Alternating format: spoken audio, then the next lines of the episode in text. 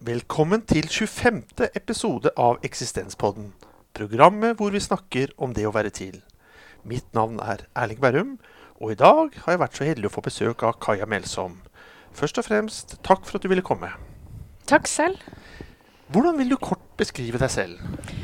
Uh, jeg er uh, filosof. Uh, jeg jobber i Human-Etisk Forbund. Jeg har skrevet en del. Sist en bok om, med tittelen 'Den fordømte friheten'. Og så har kanskje noen hørt meg i Verdibørsen på NRK P2, hvor jeg har fa vært fast gjest i egentlig en årrekke nå. Hva tenker du kan være viktig å nevne om deg og ditt liv? Mitt liv? Oi. Uh, siden denne podden heter Eksistenspodden, så kan jeg jo nevne at jeg skrev hovedfagsoppgaven min om uh, bl.a. Uh, Jean-Paul Sartre, den franske eksistensialisten, og Merleau-Ponty, en annen fransk eksistensialist. Og at jeg også har skrevet oppgave om Heidegger. Så jeg føler meg vel bevandret i den eksistensielle filosofien. Så spennende. På det liksom mer personlig, er det en episode eller noe i ditt liv som du kan dele med lytterne, så de kan liksom henge deg på en knagg, ha en forestilling om det? Oi. Uh, kanskje at jeg som veldig ung, uh, eller som 16-åring, så flyttet jeg til Frankrike alene. Og da følte jeg meg helt lost og bortkommen i verden. Jeg kunne ikke språket, ingen syntes jeg var morsom. Uh, og jeg mistet helt identiteten min, som jeg måtte skape på nytt. Det er mulig dette har formet meg mer enn enn jeg selv har tatt inn over meg. Så spennende. Du har også blitt bedt om å velge ut en grunnleggende dimensjon ved det å være til som menneske.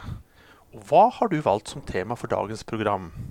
Jeg vil snakke om frihet. Og hvorfor dette temaet? Fordi, som jeg sa, jeg har skrevet en bok som heter 'Den fordømte friheten'. Og det utgangspunktet for den boken var at jeg jeg jobbet en, hadde jobbet uh, en stund i Human-Etisk Forbund, jeg hadde studert filosofi, og jeg var på en måte indoktrinert til å tenke at friheten var det ypperste av alle goder. Men så var det liksom noe som skurret. Jeg så rundt meg, leste aviser, snakket med folk jeg kjenner, og som mange av lytterne så befinner jeg meg jo da i Norge på toppen av Maslows behovspyramide, og vi har frihet i bøtter og spann. Uh, men det virker ikke som om vi helt greier å nyte den friheten vi har jeg vil tro at mange av, de, mange av våre forfedre som har, har ofret svette og blod for å skaffe oss den friheten vi har i dag, at de ville blitt litt skuffa når de så hvor lite takknemlige vi var i dag. Og dette gjorde meg nysgjerrig på Altså, jeg kan nevne noen konkrete paradokser som gjorde meg nysgjerrig. F.eks. det at vi nordmenn siden andre verdenskrig så har vi redusert arbeidsdagen med en tredjedel. Dvs. Si at vi har fått veldig mye mer fritid. Og da skulle man kanskje tro at vi var et veldig bedagelig folk som nøt livet og koste oss. Men det vi leser om i avisene og hører om i lunsjpauser og på julebord, det er at folk befinner seg i tidsklemma, eh, går på veggen, blir utbrente, vi er stressa, nye stresslidelser dukker opp. Og vi må begynne med yoga for å, for å utholde stresset osv. Så, videre. så et eller annet er det som skurrer med all den fritiden, den typen frihet. Og så har vi et annet område hvor vi er blitt stadig friere på, er jo kjærlighetens område. I dag så er vel uh, unge mennesker i dag er fullstendig fri til å følge hjertet når de skal velge partner. Det er veldig få foreldre som blander seg eh, eller velger ut partnere for sine barn. Sånn som var vanlig for Trenger ikke gå så langt tilbake i tid før det var ganske vanlig. At foreldrene i hvert fall hadde et ord med. Um, men men da, og da skulle man tro, når kjærligheten er så fri, og vi i tillegg har fått masse elektroniske hjelpemidler i form av sjekkeapper, eh, sjekkenettsider og Tinder Da skulle man tro at det var lett å finne den rette, og at kjærligheten blomstret. Den frie kjærligheten, den romantiske kjærligheten. Men når vi ser rundt oss, så er det stadig flere som lever alene. Eh, det er fortsatt sånn at halvparten av alle forhold og, og, ekteskap går i oppløsning. Så det er et eller annet med den frie kjærligheten som vi kanskje ikke helt har forstått heller. Uh, og jeg kunne nevnt flere sånne paradokser, men alt dette her bidro til at jeg undret meg over hva er det med fri Altså, er det noe vi har misforstått som gjør at vi ikke greier å leve godt med den friheten vi tross alt er så heldige å ha? Er det, ja, er det noe vi har misforstått, eller er det noe vi gjør galt? Eller er egentlig ikke frihet noe å trakte etter likevel? Det var på en måte det grunnleggende spørsmålet som gjorde at jeg ville skrive bok om dette. Kan du si at frihet eksisterer best uh, når den ikke er tilgjengelig? Som en forestilling eller som noe å på en måte strekke seg etter? Ja, det kan man på mange måter. Nå er jo frihet et veldig sånn uh, veldig stort begrep som kan romme så mangt. Uh, hvis du spør 100 filosofer om en definisjon, så tipper jeg du vil få 100 forskjellige definisjoner på hva frihet er. Uh, men Veldig mange setter jo likhetstegn mellom frihet og en eller annen form for velvære, lykke. Vi tenker gjerne på frihet som det ypperste av alle goder, som noe veldig positivt. Uh, og nærmest litt sånn paradislignende. Uh, og alt som er veldig godt, det, det, er jo ting vi drømmer om. Og, men med en gang vi får de tingene vi drømmer om, så begynner vi å drømme om noe nytt. Så sånn sett, så ja, frihet er kanskje Med en gang man med en gang man får det man drømmer om, så ligger det på en måte i menneskenaturen å begynne å lengte etter noe annet. Ja. Men, men, vil du si at frihet eh, kan være noe i seg selv, eller er det slik at frihet er noe du er, at du er fri fra noe? At du, frihet står alltid i relasjon til noe annet. Jeg tenker at frihet, eh, sånn som jeg har eh, interessert meg for frihet nå, så er det mer som vår idé om frihet som selvbestemmelse, da. Som uh, frihet uh, i Jeg har interessert meg for hvordan vi forstår frihet i dag. Uh, og så kritiserer jeg den måten vi forstår frihet på i dag. Fordi vi som lever her på toppen av Maslows behovspyramide, for oss så mener jeg at frihet handler om selvrealisering. Det er det vi blir, vi blir lært opp til, at frihet, det er vår mulighet til å leve ut vårt potensial, til å realisere vårt, uh, ja, vårt uh, beste jeg. Uh, og all denne alt dette fokuset på selvrealisering, det tenker jeg er blitt For de som vokser opp i dag, så oppleves det ikke lenger som frihet, men som et krav. Så det som var frihet for vår foreldregenerasjon, det de kjempet for, at alle skulle ha muligheten til å realisere seg selv, det mener jeg vi har fokusert så mye og ensidig på at dagens unge opplever det ikke som frihet, men som et forbanna krav, som et forbanna bør. Uh, jeg bør bruke livet på å realisere meg selv. Så det er selvrealiseringstyranniet jeg på en måte har um, ja, opptatt, har vært opptatt av i den boken. Ja. I lys av det, hva vil du tenke da kunne være frihet for dagens ungdom? Jeg tenker at vi først og fremst um, bør gjennomskue at det vi snakker om som frihet i dag, eller det som har, er pakket inn i frihetens språkdrakt, eh, at det kan oppleves som som et bør, for ikke å si et må. Og at det ligger frihet i å kunne innse det. Fordi jeg tror mye av problemet i dag er at mange av Eller la oss sammenligne med noe, da. La oss sammenligne det frihetsidealet vi har i dag, som har et veldig sterkt fokus på at vi skal realisere oss selv, lytte til våre egne følelser osv. Hvis man sammenligner det med frihetsidealet på la oss si 50-tallet, da, uh, hvor frihet handlet om uh, å være et menneske som har kontroll. eh, altså som har Som evner å sette samfunnets og familiens behov over egne behov og ønsker og begjær. Det var på en måte et, et fritt menneske på 50-tallet. Et menneske som hadde kontroll på livet. Uh, og som var kanskje mer inspirert av en sånn kantiansk uh, fornuftsbasert frihet. Mens dagens frihetsideal, som jo egentlig er vokst ut av slags, et slags oppgjør mot dette fornuftsbaserte frihetsidealet Dagens frihetsideal handler jo mye mer om å Om ikke å gjøre det Det handler om det motsatte. Det handler ikke om å det handler ikke om å sette fellesskapets behov over egne behov, men frihet handler tvert imot om liksom å våge å lytte til seg selv, ikke ta hensyn til, uh, til uh, ytre krav og forventninger. Uh, men det mener jeg da er blitt en slags hemsko. Det er blitt I dag er vi Blir vi så oppmuntret til å lytte til oss selv at vi at vi går rundt og skammer oss over ikke å være originale, autentiske. Uh, at vi ikke lever lidenskapelig og lykkelig nok.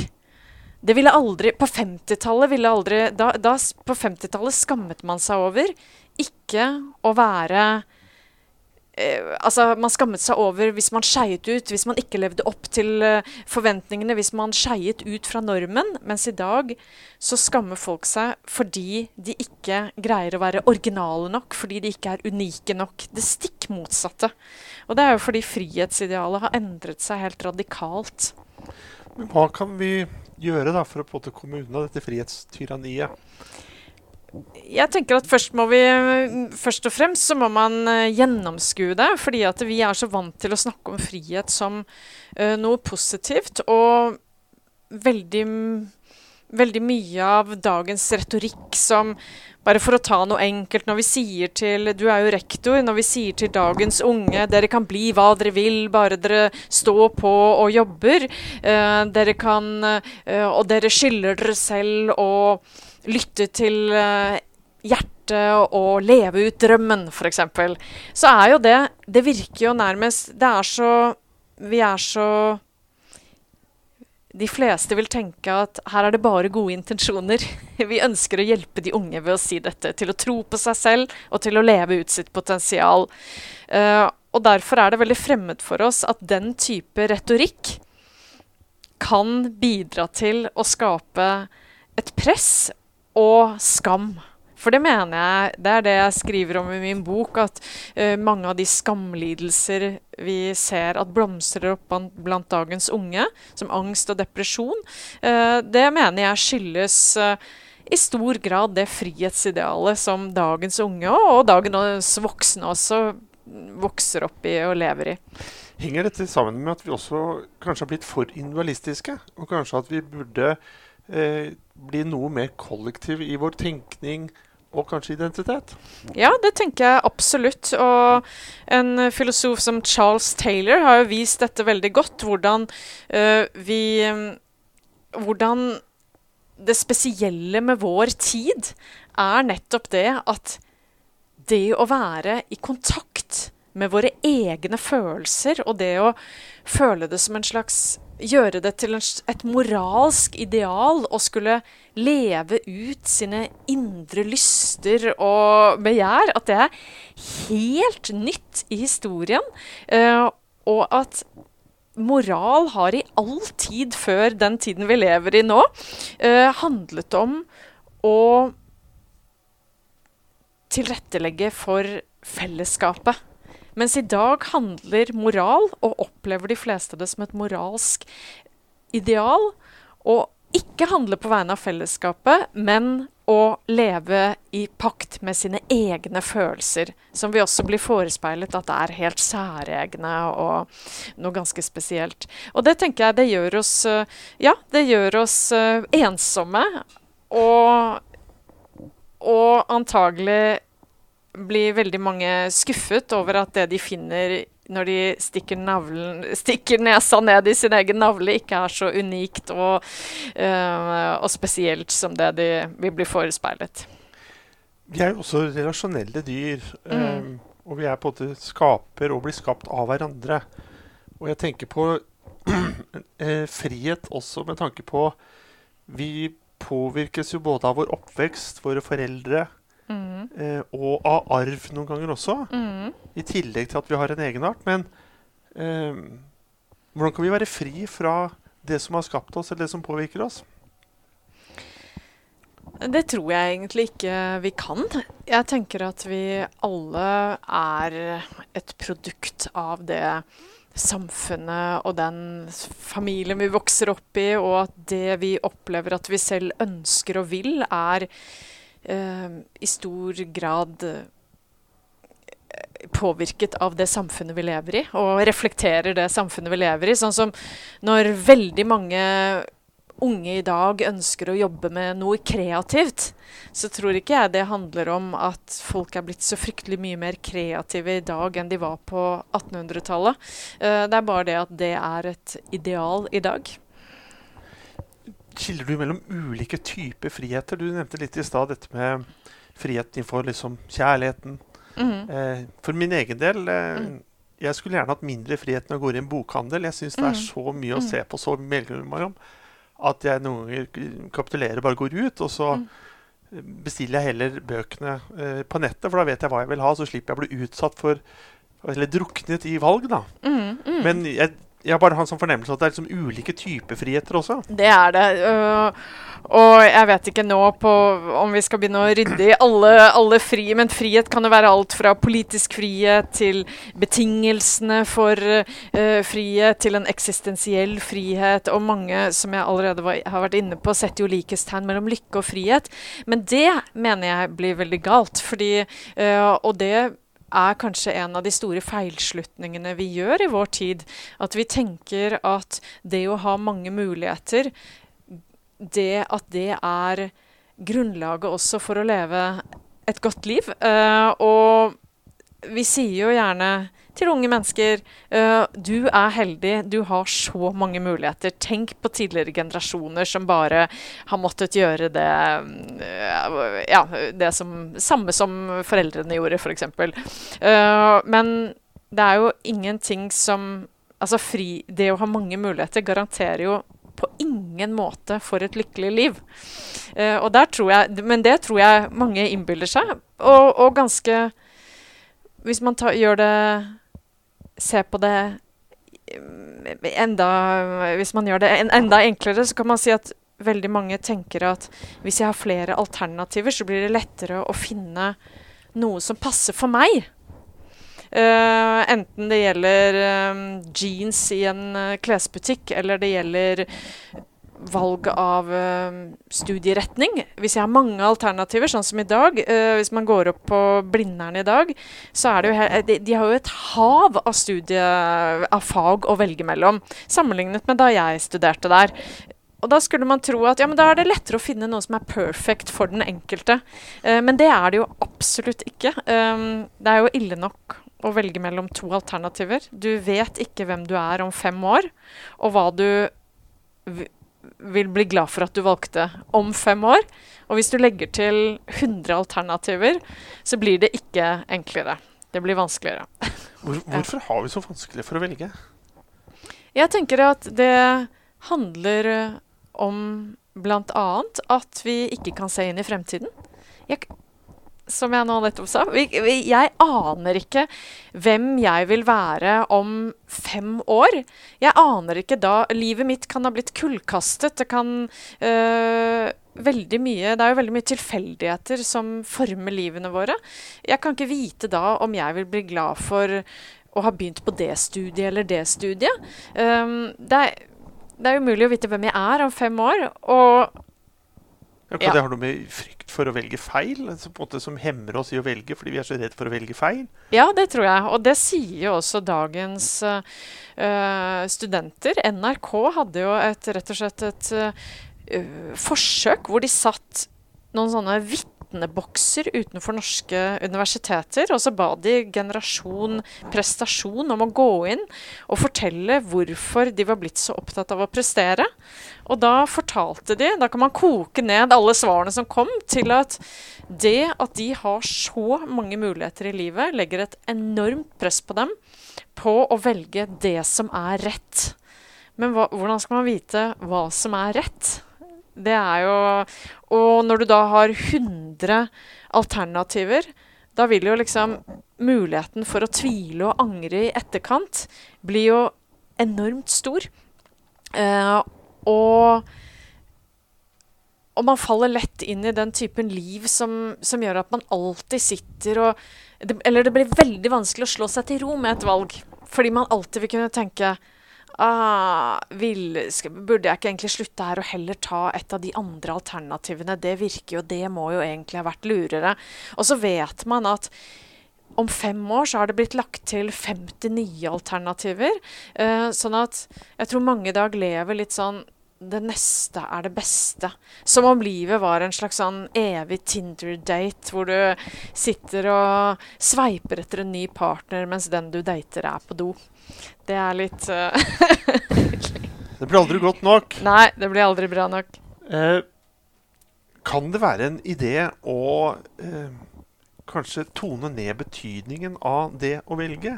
Ufarliggjøre med det å velge? Jeg tenker på eget liv, så jeg må jo si veldig mye av de såkalte valgene jeg har gjort i livet, har jo også vært pga. tilfeldige omstendigheter. Mm. Eh, så akkurat som etterrasjonalisering. Jeg føler på en måte at vi legger litt mer i valgene vi har tatt etterpå, enn kanskje det vi gjorde der og da. Mm. Men eh, kanskje det er viktigere måten man forholder seg til sine valg, Ja. enn selve valget i seg selv. Hva tenker du om det? Hva, eh, du må nesten gjenta Altså, nei, du må gjenta Ja. hovedpoenget i spørsmålet ditt. ja. Ja, nei, det er, jeg tenker på dette med å eh, kanskje ufarliggjøre det å velge. Fordi Ja. eh, det er nok mer tilfeldigheter ute og går i våre liv også.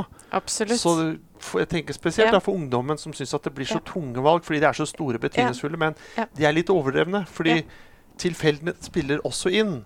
Så kanskje det er viktigere hvordan du forholder deg til valgene dine, enn selve valget i seg selv. Ja, det tror jeg absolutt. Og jeg tenker at hele dette frihetsidealet At en av feilslutningene som ligger i dagens frihetsideal, det mener jeg er troen på at vi kontrollerer livet. Eh, fordi vi vet at vi har enormt mye frihet og valgmuligheter i forhold til andre mennesker som lever i dag på kloden, andre steder, og i forhold til tidligere generasjoner. Uh, og vi kan lett en slags sånn øh, Man kan snakke om det som en bivirkning da, av, alle, av det at vi vet at vi har så mange valgmuligheter, er at vi tror Vi innbiller oss at vi kontrollerer livet. Uh, og da Og det er veldig farlig, for det er jo helt riktig som du sier. Livet er den dag i dag, også for oss på toppen av Maslows behovspyramide, i stor grad formet av tilfeldigheter og flaks. Og gener, ikke minst. Eh, det, man ser jo på Det underkommuniseres jo hvor mye gener har å si for å utvikle sykdom og ikke, f.eks. Man kan nesten få inntrykk av at spiser man fem om dagen og tar seg en joggetur i uka, så kan man leve til man blir 120 år. Uh, men jeg tenker at det fører til enormt mye skam. Eh, og som er det som mange unge i dag sliter med. At man rett og slett, når man ikke da havner på det stedet i livet som man tenkte man kunne styre seg selv mot, så føler man skam fordi man tenker at det er min feil. Det er jeg som har valgt feil og forvaltet friheten min galt. Så legger man all skyld på seg selv, mens i realiteten så er det tilfeldigheter og flaks og uflaks som gjør at du har havna der, du har havna. Så på en måte baksiden av individualismen og troen på en slags overdreven tro på at vi er frie til å velge det livet vi ønsker, er jo at når vi havner der vi ikke ønsker å være, så har vi bare oss selv å skylde på, da. Og hvis vi da åpner for en, en litt mer eh, interaktiv forståelse av hvem vi er, og våre valg. At vi velger Mm. ikke utelukkende isolert i oss selv. Vi velger også som et resultat av den konteksten som vi er i. da. Mm.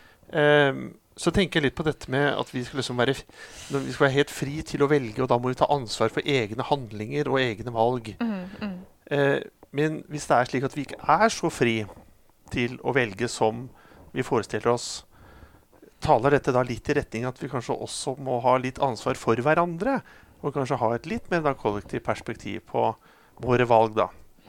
Ja, det tenker jeg ja, absolutt.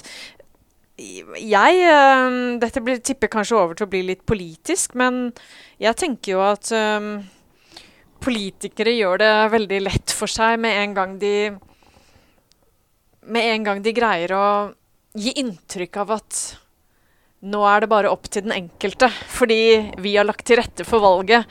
Um, fordi det er jo alltid strukturelle årsaker til at noen havner uh, At noen går på trynet, da, for, for å si det sånn. Jeg så en film, um, uh, Beautiful Mind', Ja. med Russell Crowe, Ja. om uh, da en matematiker, Nash, Mm. som bl.a. avdekket en lovmessighet da, knyttet til Adam Smith, som sa at liksom, det beste er at hver og en handler i egen interesse. Det er det beste for fellesskapet. Mm. Men så avdekket han da gjennom en scene der eh, en lovmessighet som handlet om nei, det er ikke det. Det som er best for fellesskapet, det er at hver og en gjør det som er best for seg, men også for fellesskapet. Yes. Hvor det både er på en måte en individualistisk eh, side, men også en kollektiv del. Ja. Kan du også se det i sammenheng altså i forhold til det med, med Vi er fri, ja, men vi er også på en måte samtidig bundet til hverandre og det liv og den situasjonen vi er i. Så vi kan ikke utelukkende liksom, ha et individualistisk perspektiv på våre valg. Ja, nei, jeg tenker at uh, det, er jo, det er jo veldig sånn aristotelisk også. At han tror jeg ikke For å spole tilbake til Aristoteles, så tror jeg ikke han Når han snakket om lykke, eller det vi ofte oversetter med lykke, da, øh, så var det for ham helt utenkelig uten at det man det var utenkelig å oppnå den formen for lykke med mindre det man gjorde, hadde en verdi for fellesskapet. Ikke sant? Og det jeg tenker, det er en tankegang som gjør seg gjeldende i dag også. Vi blir ikke Vi er fullstendig avhengige av hverandre, og selv en narsissistisk egoist er avhengig av andre for å få bekreftelse. Eh, og vi lever Og jeg tenker at vi i dag også lever i en, et samfunn hvor dette med anerkjennelse er noe som ikke kommer naturlig. Eh, hvis man spoler 100 år tilbake i tid, så var du på en måte født inn i en du er i en sosial rolle, høy, høy eller lav, uh, men det fulgte en viss uh, anerkjennelse med den rollen. Om du så var skomakerens datter, så var det en rolle med en viss i, I et miljø så ville det følge med en slags eh, anerkjennelse og forventninger til hva du skulle gjøre, hvordan du skulle handle. I dag er vi mye mer fristilt og må ut og nærmest eh, selge oss selv for å, for å få anerkjennelse. Og det er jo ingen som greier å skape seg en identitet uten å få anerkjennelse fra andre, så vi er, vi er eh, utrolig sårbare. Vi trenger anerkjennelse fra, fra andre, og det kommer ikke av seg selv. Og den som glemmer det, vil eh, ja, vil slite med egentlig å, ha- mm, å i det hele tatt få seg en identitet. Men kan det være en gave fra eh, den eldre generasjon til yngre generasjon? Og være flinkere til å anerkjenne ungdommen eh, for det de gjør, og hva de er? Uten nødvendigvis at det skal være så veldig stort eller spesielt. Men Ja, det tenker jeg kunne være en fin eh, Ja, jeg tenker at det, det er eh, mye av det som er vanskelig med det å være ung, er jo at man må ut og vise hvem man er, og få en eller annen speiling på sin egen identitet. Og får man ikke det, så, så vil de fleste av oss bli fryktelig frustrerte. Hvis man føler seg oversett, det å bli usynlig, det er vel det verste som et menneske kan oppleve. Å være helt usynlig. Ikke få noe anerkjennelse fra andre. Og det tror jeg det er en del som Jeg tror det er en del som føler seg usynlig i dag. Ganske mange. Jeg var på et foredrag av en som het eh, Kjersti Falk, Ja. som er eh, da med i Foreldrenes arbeidsutvalg nasjonalt, FUG. Mm. Um, og hun sa at det viktigste dere kan gjøre som foreldre, er å dynke deres barn i kjærlighet. Ja. Og i kjærlighet så ligger det også en viktig anerkjennelse. Ja. Så mm, Men man kan jo også bare anerkjenne da, la oss si f.eks. Eh, egne barn. Jeg, jeg er fantastisk skjønn. Mm. Man kan anerkjenne for det de er i, i seg selv, uten at de nødvendigvis må velge å gjøre noe spesielt for å få den anerkjennelsen. Mm. Vi nærmer oss slutten på programmet, og da pleier jeg alltid å spørre om noen sånn mulige tips. Eh, og her tenker jeg litt da på kanskje de som opplever friheten litt vanskelig, litt påtrengende. Hva har du å si til de? Da vil jeg si at um, det vi ofte glemmer å si når vi snakker om frihet, er at frihet handler om å velge. Og, det, og ikke om å få i pose og sekk. I dag kan man få inntrykk av at frihet handler om å få i pose og sekk. Jeg skal ha alt mulig, jeg skal realisere meg på alskens mulige områder. Men frihet handler altså om å velge, og det å velge handler alltid om å velge noe bort. Uh, og det er det jeg tror vi alle må øve oss på. Å velge noe bort for å greie å gå inn for noe. Og, og det, men, men det kommer ikke uten en kostnad. Du velger ikke noe i livet bort uten at det også da medfører et visst savn, en viss sorg. Og det tenker jeg er en del av det å leve i frihet. Del av det å være menneske. Ja. I høyeste grad. Jeg har også til slutt eh, en liten forespørsel knyttet til om du har et fyndord eller livsmotto som du er spesielt glad i, og som du kan dele med lytterne våre. Det som kommer meg i huet nå, det er uh, Det er av eh, den franske tenkeren eh, Blaise Pascal, uh, som på norsk så blir det vel uh, Hjertet har en fornuft som fornuften ikke kjenner. Da takker jeg for samtalen. Takk også til deg som lytter for å ha fulgt oss denne halvtimen. Vi høres igjen, og inntil da, ha det bedre enn bra.